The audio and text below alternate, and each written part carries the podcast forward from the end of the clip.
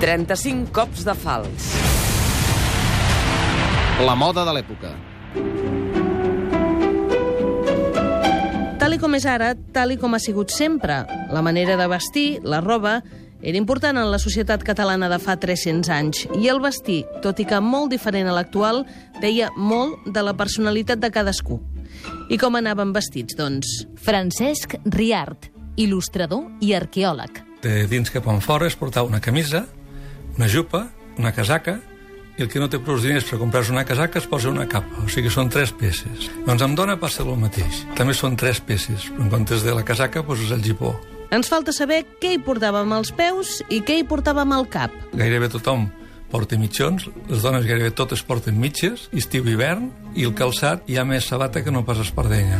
Al cap sempre es porta alguna cosa, si és home, doncs, amb un 98% tricorni, l'altre percentatge petit es reparteix entre gorra, barretina i el que en diu montera.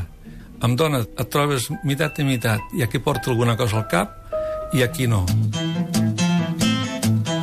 Una qüestió amb la qual valdria la pena pensar per què ens traiem totes les capes ara quan arriba l'estiu i en aquella època amb la mateixa temperatura cara o uns graus menys.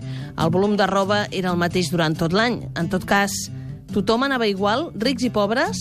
És l'altre tòpic. Penses que els pobres sempre van només amb, amb, amb la bateta, sense cap estil determinat. I dius, no, la forma bàsica d'una peça, com pot ser pues, una casaca, és la mateixa per rics que per pobres. I llavors? Quina és la diferència? La qualitat de la roba, la qualitat del tint eh, i la qualitat dels complements i la qualitat de l'acabat. Tenim, doncs, que rics i pobres anaven iguals. La moda, però, qui la marcava? El qui manava a nivell estètic eren els francesos. Lluís XIV és el que marcava els canvis a la moda. Pues aquí igual. Quan hi havia un canvi allà, pues el reflectia aquí.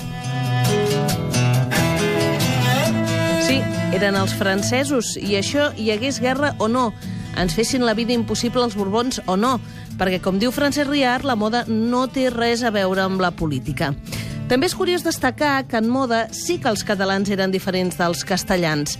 Es notava i molt la proximitat amb França en la manera de vestir en el color, i els experts en l'època expliquen que mentre a Castella i a Madrid el gris, el negre i el marró s'imposava, els catalans anàvem amb vermells, blaus, verds i una extensa gamma de colors que no tenen res a envejar a la varietat que proposa el conegut Pantone avui en dia.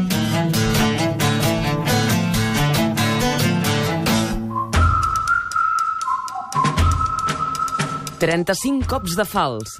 Laia Claret i Clara Jordan amb muntatge musical de Josep Plazas.